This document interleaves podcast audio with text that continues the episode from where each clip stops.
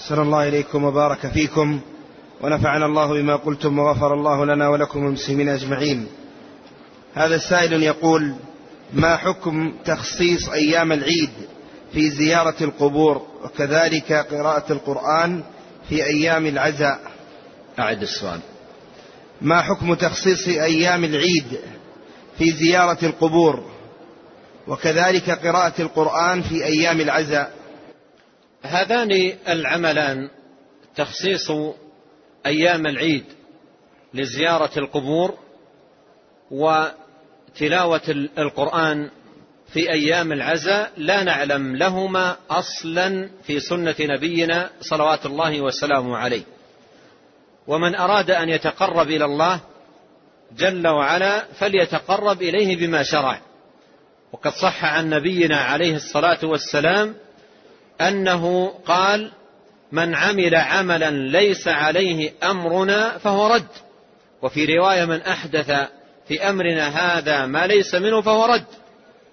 والنبي عليه الصلاة والسلام وصحبه الكرام كانوا أحرص منا على الخير يوم العيد وكل يوم ولم ينقل عنه ولا عن أصحابه رضي الله عنهم أنهم يخصصون يوم العيد لزيارة القبور. فتخصيص يوم من أيام السنة بعمل معين بلا مستند شرعي يعد من الحدث في دين الله جل وعلا ويكون التقرب إلى الله سبحانه وتعالى بمثل هذا العمل تقرب إليه بما لم يشرع.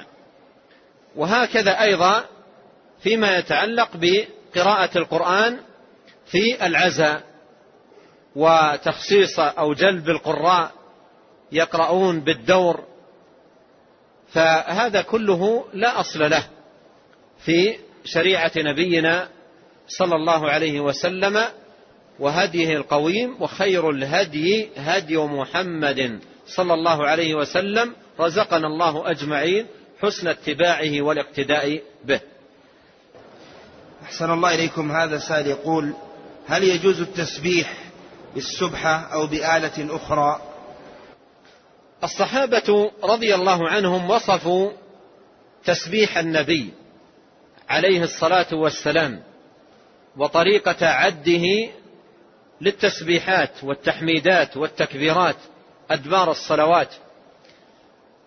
فقالوا كان عليه الصلاة والسلام يعقد التسبيح بيمينه وفي رواية بيده. هكذا كان يفعل يعقد التسبيح بيده أو بيمينه.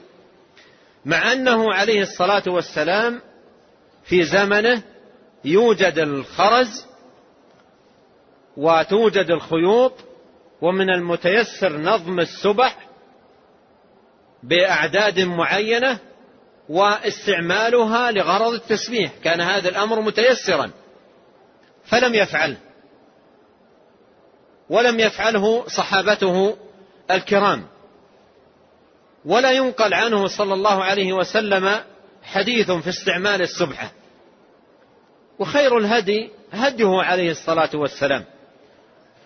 خير الهدي هديه صلى الله عليه وسلم.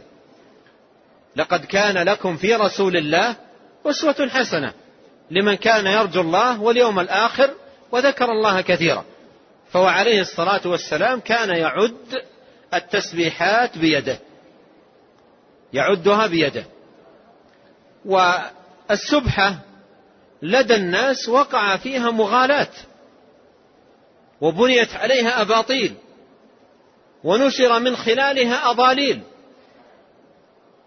وبدأوا يعتقدون في السبح. وبعض الطرقية لهم اعتقادات في بعض السبح. يعني بعض السبح لها أسماء معينة كما حدثنا من هداه الله وترك تلك الطرق بعض السبح لها أسماء معينة عند أصحابها يقولون يعتقدون أن الخرزة الواحدة بألف. في سبحة مثلا يسمونها الإبراهيمية. يقولون الواحدة بألف. يعني إذا قلت بخرزة واحدة سبحان الله بهذه السبحة الإبراهيمية تعتبر ألف, ألف تسبيحة. تعتبر ألف تسبيحة. ومثل هذا مثل هذا الكلام الغالب يروج له الباعة. الغالب يروج له الباعة من أجل أن يشترى منه كميات. فهذه السبحة الإبراهيمية وهذه السبحة الكذا وهذه السبحة الكذا وهذه السبحة الألفية. ألف خرزة. فيها ألف خرزة. وبعض السبح الألفية تكون من الحجم الكبير ما يستطيع يحملها شخص الواحد يحملها مجموعة. يأخذونها إلى مكان التسبيح. يتعاونون على حملها لكي يسبحون. ثم تبسط السبحة الألفية الكبيرة في المجلس ويبدأون كل واحد يحمل من خرزاتها الكبار الثقيلة سبحان الله ويعطيها صاحبه ويسبحون. هذا كله ضلال. هذا كله ضلال ليس من دين الله. وأمر لي لا, لا ليس آه ليس ليس من التقرب إلى الله في شيء. عبد الله بن مسعود رضي الله عنه جاء إلى نفر في المسجد وعندهم حصى. جمعوا حجارة وحصى أمامهم ورجل قائم عليهم ويقول سبحوا مئة. فيبدأون كل واحد يأخذ من الحصى اللي أمامه مئة حصاة ويضعها في الناحية الأخرى سبحان الله سبحان الله سبحان الله بالحصى يعدون. ثم يقول كبروا مئة. فيبدأون يكبرون بالحصى. فوقف عليهم عبد الله بن مسعود وقال رضي الله عنه وأرضاه قال أما إنكم جئتم ببدعة ظلمة أو فقتم أصحاب محمد علما وقال ما أسرع هلكتكم يا أمة محمد هذه ثيابه لم تبلى وآنيته لم تكسر وصحابته متوافرون ومع ذلك تقعون في مثل هذه الأمور. أما إنكم جئتم ببدعة ظلمة أو فقتم أصحاب محمد علما. قالوا يا أبا عبد الرحمن والله ما أردنا إلا الخير. قال وهل كل من أراد الخير أدركه؟ ليس كل من أراد الخير يدرك الخير. الذي يدرك الخير المتبع المقتدي المؤتسي بالرسول الكريم صلوات الله وسلامه عليه. أحسن الله إليكم. هذا يسأل عن تخصيص كل شوط من من الطواف بدعاء معين.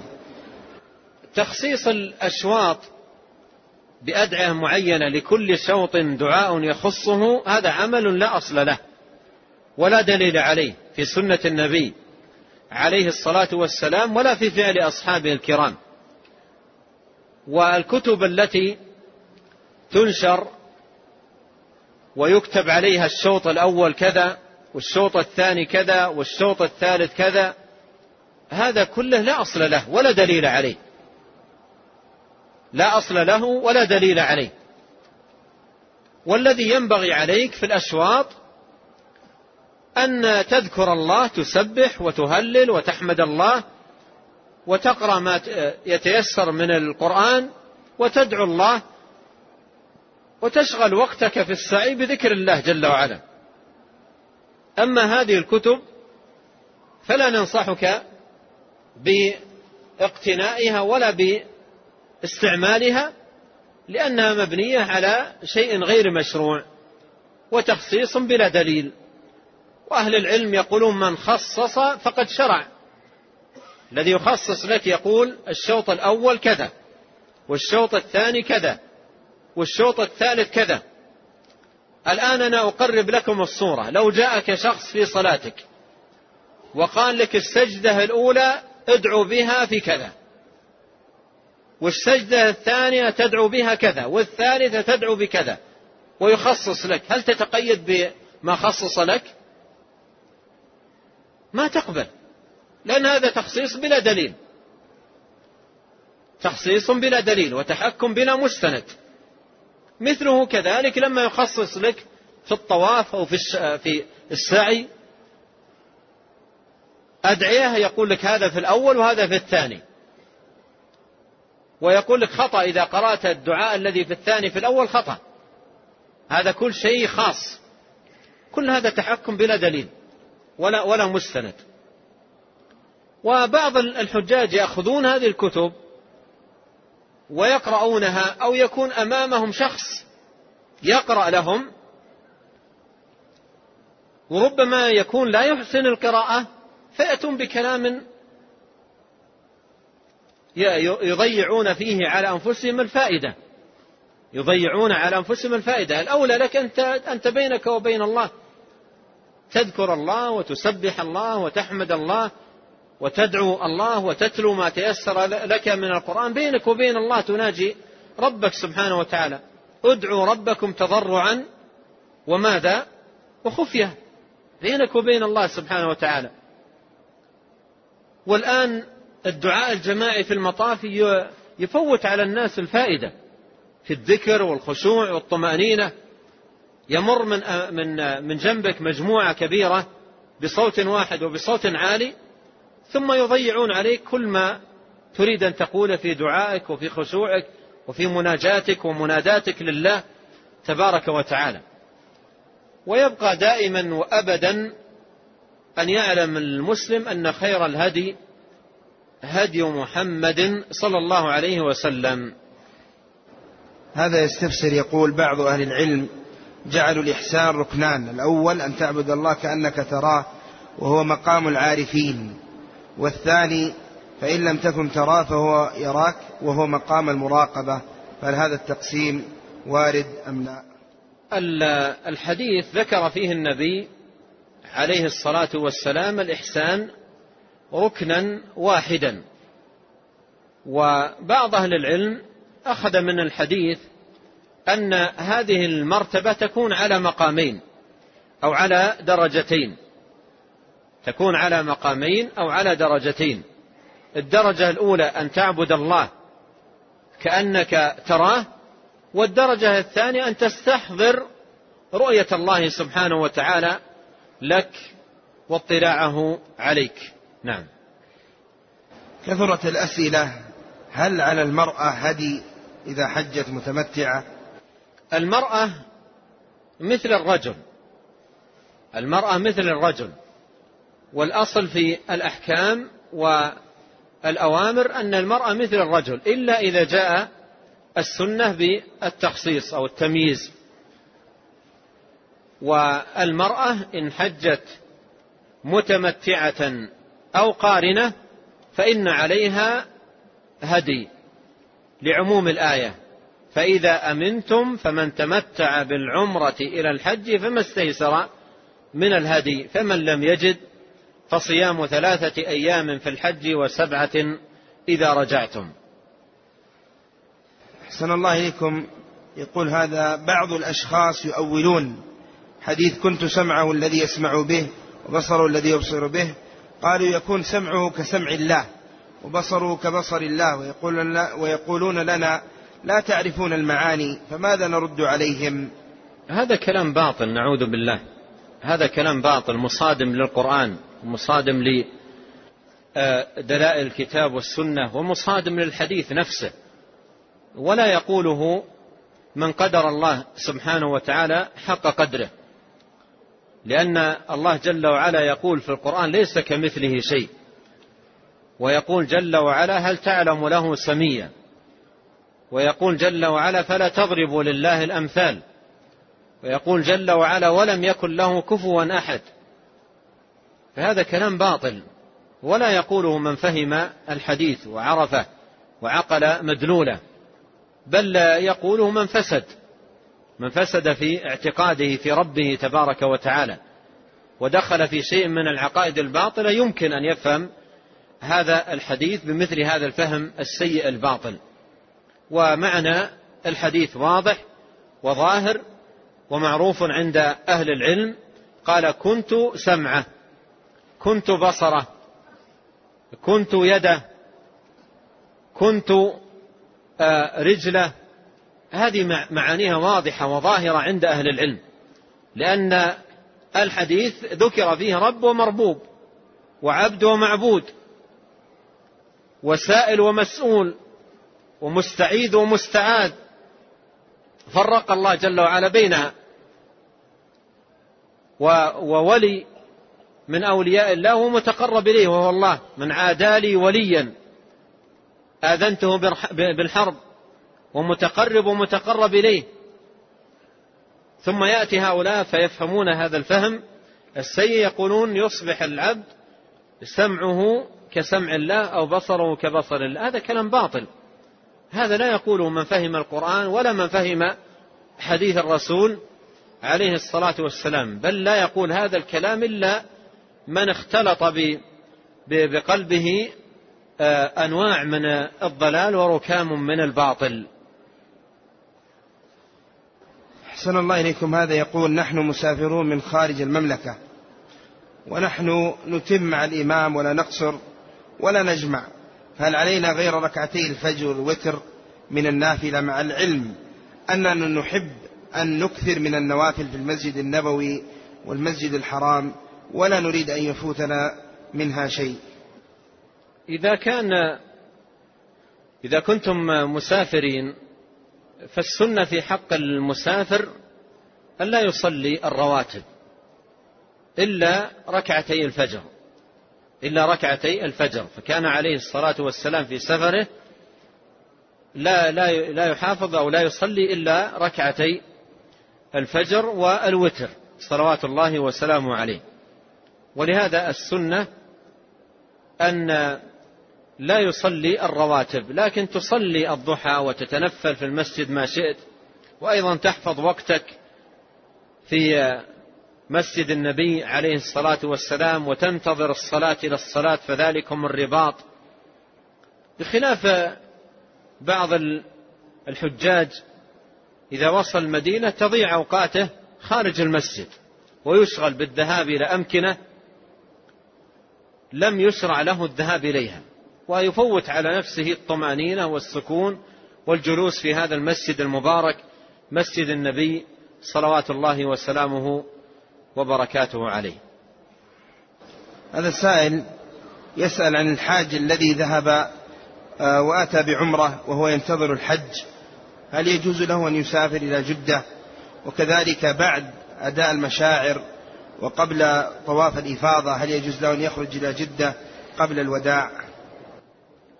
إذا ذهب الحاج إلى مكة إذا إذا ذهب إلى مكة ومثلا لو كان متمتعا وأدى العمرة واحتاج إلى أمر في في جدة وذهب إليه فلا ضير عليه لو ذهب. لا ضير عليه لو ذهب ويذهب ويرجع إلى إلى مكة وإذا جاء يوم الثامن من ذي الحجة يلبي بالحج لا ضير عليه. وكذلك في أثناء إذا كان اضطر لحاجة أو لأمر إذا اضطر يذهب. لكن إذا تمت المناسك فلا يذهب إلا بعد أن يودع البيت بسبعة أشواط. نعم. هذا يسأل يقول هل تجوز زيارة مسجد قباء؟ وهل هناك حديث في ذلك؟ وما مستنده وصحته؟ مسجد قباء تشرع آه، زيارته لمن كان في المدينة لأن النبي عليه الصلاة والسلام صح عنه في الحديث أنه كان يأتي مسجد قباء كل سبت أنه كان يأتي مسجد قباء كل سبت. وصح عنه عليه الصلاة والسلام أنه قال من تطهر في بيته وأتى مسجد قباء وصلى فيه كان كأجر عمرة. وصلى فيه كان كأجر عمرة. هذا ثابت عنه صلوات الله وسلامه عليه. ومسجد قباء مع هذا المسجد هما المسجدان اللذان تشرع زيارتهما في المدينة.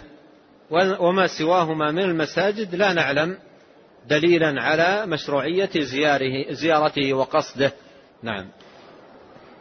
هذا السائل يقول بعض الطرق المنحرفة يقولون أن أولياء الله منهم من يحس بأن أشياعهم في ضعف أو في أن؟ خطر أن أشياعهم في ضعف. أو خطر من دون أن يخبروهم أي أنهم يغيثون أشياعهم من دون أن يطلب منهم الإعانة. واستدلوا على ذلك بحديث أسارية الجبل حينما أرشده عمر بن الخطاب رضي الله عنه الاعتصام بالجبل من العدو. هذه من الدعاوى التي بها يروج هؤلاء من أجل أن يتعلق بهم الأشياع والأتباع.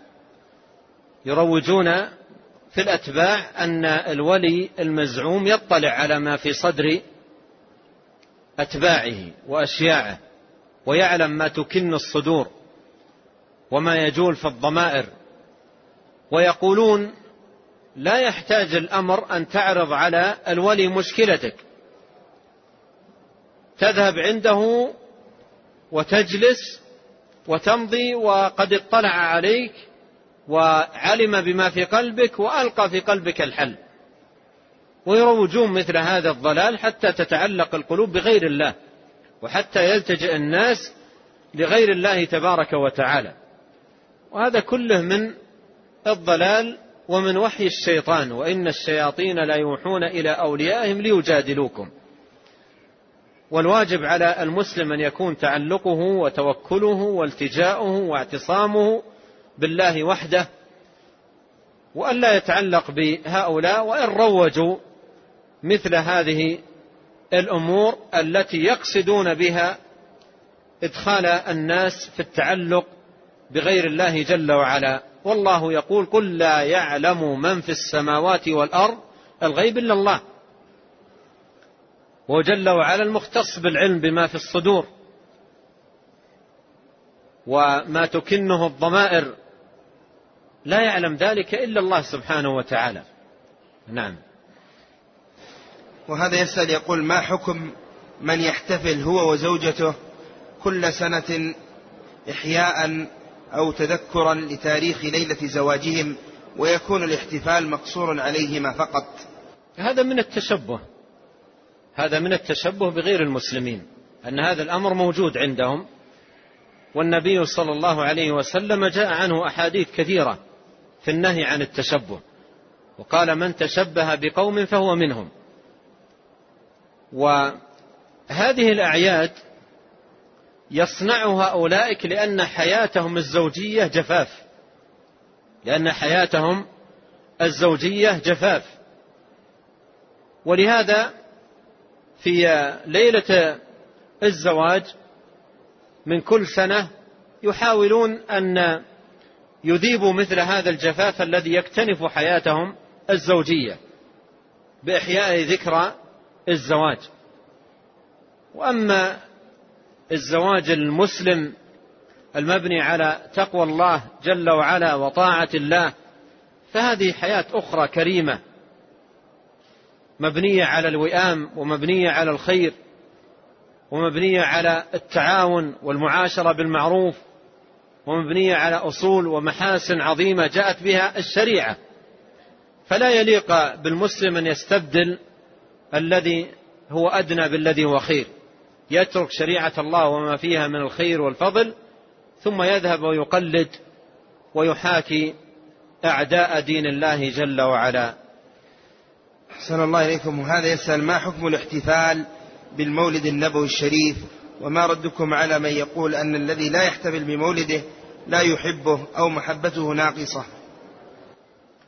آه، الصحابة رضي الله عنهم أبو بكر وعمر وعثمان وعلي وعموم الصحابة وكذلك التابعون لهم بإحسان قال الله تعالى والسابقون الأولون من المهاجرين والأنصار والذين اتبعهم بإحسان.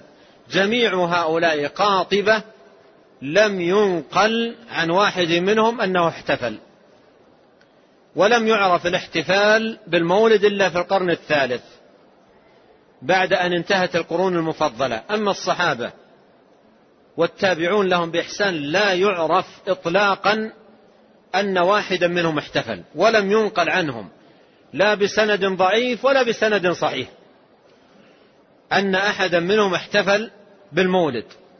مع أنهم رضي الله عنهم وأرضاهم أشد حبا للنبي صلى الله عليه وسلم. وأحرص منا على كل خير. فإذا كان هذا القائل يقول إن ترك الاحتفال من دلائل عدم المحبة فماذا يقول في الصحابة؟ وماذا يقول في التابعين؟ لم يحتفلوا. هل لا يحبون النبي عليه الصلاة والسلام وهؤلاء المتأخرين المحتفلين هم الذين يحبونه؟ صلى الله عليه وسلم حاشا وكلا. وحقيقة المحبة بينها الله في القرآن. قال تعالى قل إن كنتم تحبون الله فاتبعوني يحببكم الله. فحقيقة المحبة الاتباع والاقتداء بالرسول الكريم. عليه الصلاة والسلام. ليست المحبة بالبدع وفعل الأمور المحدثات. حقيقة المحبة باتباع النبي صلى الله عليه وسلم والسير على منهاجه. والآن بعض المحتفلين ربما يسهر ليلته محتفلا وينام عن صلاة الفجر. وينام عن صلاة الفجر. الليل طوله يحتفل في قصائد وفي أراجيز وفي أطعمة وأشربة وفي رقص وفي غير ذلك وإذا جاء وقت صلاة الفجر متعب للغاية وينام ما يصلي. صلاة الفجر فريضة. النبي عليه الصلاة والسلام في اللحظات الأخيرة من حياته وهو مريض لا يستطيع أن يذهب إلى المسجد من شدة المرض وحجرة عائشة مطلة على المسجد. وكان الصحابة يصلون. فقام عليه الصلاة والسلام ونهض وكشف الستر. ونظر أصحابه وإذا هم جميعا يصلون صفوفا خلف أبي بكر رضي الله عنه. فتهلل وجهه من البشر والفرح عليه الصلاة والسلام. في صلاة في الصلاة. فالذي يحب النبي عليه الصلاة والسلام يحافظ على الصلاة المكتوبة. ويحافظ على الواجبات ويحافظ على الأوامر ويتجنب النواهي والمحرمات. يبتعد عن هذه حقيقة المحبة. قل إن كنتم تحبون الله فاتبعوني يحببكم الله. نعم. أحسن الله إليكم. هذا يقول هل يجوز للمرأة أن تزور القبور؟ جاء في الحديث عن النبي صلى الله عليه وسلم أنه قال لعن الله زوارات القبور. لعن الله زوارات القبور وهذا فيه لعن ووعيد في حق المرأة وفيه دلالة على أن المرأة لا يشرع لها زيارة القبور لا يشرع لها زيارة القبور. إن مرت بالقبور من غير قصد الزيارة لها أن تسلم. السلام عليكم أهل الديار. أما أن تذهب المرأة قصدا للقبور لزيارتها فهذا أمر لا يشرع لها بل جاء فيه الوعيد عن النبي صلوات الله وسلامه عليه. عموما عموما المرأة منهية عن زيارة القبور. يقول في السؤال الثاني هل يجوز الدعاء برفع اليدين بعد الصلاة المفروضة؟ رفع اليدين في الدعاء من أسباب الإجابة. في حديث سلمان عن النبي صلى الله عليه وسلم أنه قال إن الله حي كريم يستحيي من عبده. إذا رفع إليه يديه أن يردهما صفرا. لكن أدبار الصلوات المكتوبة هدي النبي صلى الله عليه وسلم هو الذكر. بالتسبيح والتهليل والتحميد وقراءة آية الكرسي والمعوذتين وسورة الإخلاص هذا كان هديه صلوات الله وسلامه عليه. وأما الدعاء بما يرغب الإنسان بالدعاء به في حاجاته فهذا قبل السلام. ولهذا قال في حديث مسعود ثم ليتخير من الدعاء ما شاء. أي قبل أن يسلم. وهذا من مواطن الإجابة في في, في, في, في الأدعية. أن تدعو قبل السلام ثم ليتخير من الدعاء ما شاء. أما بعد السلام فالسنة الذكر بالتسبيح والتحميد والتهليل ونحو ذلك. نعم. صلى الله عليكم هذا سائل يقول إذا اشترطت المرأة عند عقد النكاح ألا يتزوج عليها خطيبها بغير إذنها. هل يجب له أن يوفي هذا الشرط؟ إذا اشترطت ذلك إذا اشترطت ذلك وقبل هذا الشرط فيجب عليه أن يفي بهذا الشرط يلزمه أن يفي بهذا الشرط إلا إن سمحت هي واسترضاها ورضيت وقبلت. نعم. المؤمنون على شروطهم إلا ما إلا شرطا حرم حلالا أو أحل حراما. نعم. وهذا يقول رجل مسلم آه، يبحث عن عمل وجد عملا لكن مدير هذا العمل يقول أحلق لحيتك. وأيضا أمه قالت له أحلق أو اخرج من البيت فماذا يفعل؟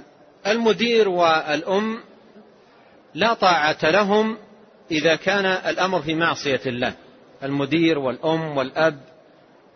لا طاعة لهم إذا كان في معصية الله جل وعلا ومعصية رسوله عليه الصلاة والسلام. وإذا كانوا قالوا له ذلك فإن النبي صلى الله عليه وسلم قال وفروا اللحى. وقال أرخوا اللحى. وقال أسدلوا اللحى. وقال أكرموا اللحى. وقال خالفوا المجوس. نعم. وهذا يسأل عن السنة عند الرجوع إلى البلد في صلاة ركعتين في المسجد كيف تكون؟ هذا من السنة. كان عليه الصلاة والسلام إذا قدم من سفر يبدأ أول ما يبدأ بتحية المسجد يذهب إلى المسجد ويصلي ركعتين. والركعتين ليس لها صفة معينة وإنما الركعتين المعروفة يقرأ فيها ما تيسر من القرآن ويكون بدءه عند دخوله لبلده بتحية المسجد. وهذا العمل من السنة. نعم. إن تيسر إن تيسر له ذلك فعل. هذا يسأل يقول هل يجوز رفع اليدين في الدعاء آه، في دعاء الخطيب يوم الجمعة للخطيب وللمستمع أيضا المأموم؟ يجوز إذا كان الدعاء بالاستسقاء لأن النبي عليه الصلاة والسلام لم يكن يرفع يديه في في الدعاء في خطبة الجمعة إلا إذا استسقى صلوات الله وسلامه عليه. فإذا كان استسقى الخطيب فالخطيب يرفع يديه والناس أيضا يرفعون أيديهم. أما ما سوى ذلك فلا يشرع رفع اليدين عند الدعاء في خطبة الجمعة. وهذا سائل يقول ذهبت إلى مسجد قباء فأديت ركعتين لتحية المسجد ثم قمت فأديت ركعتين فأصبحت فأصبح مجموع الركعات أربع ركعات فسمعت بعد ذلك أنه لا لا يصلى في قباء إلا ركعتين فما هو الواجب علي؟ لا, لا ليس الأمر كما ذكر يعني لا يصلى في قباء إلا ركعتين صلي ما تيسر لك. لكن من أتى قباء وصلى في ركعتين كان كأجر عمرة. وإذا وجدت من نفسك نشاطا وإقبالا على الصلاة وصليت ما تيسر لك من الصلوات فلا تنهى عن ذلك ولا تمنع. نعم. هذا يسأل عن العمرة بعد عمرة الحج. هل يجوز عمل عمرة لوالدي قبل الحج؟ الأصل في السفرة الواحدة تعتمر وتحج إما عن نفسك أو عن غيرك. وإذا يسر الله لك سفرة أخرى تعتمر فيها وأيضا تحج عن نفسك أو عن غيرك.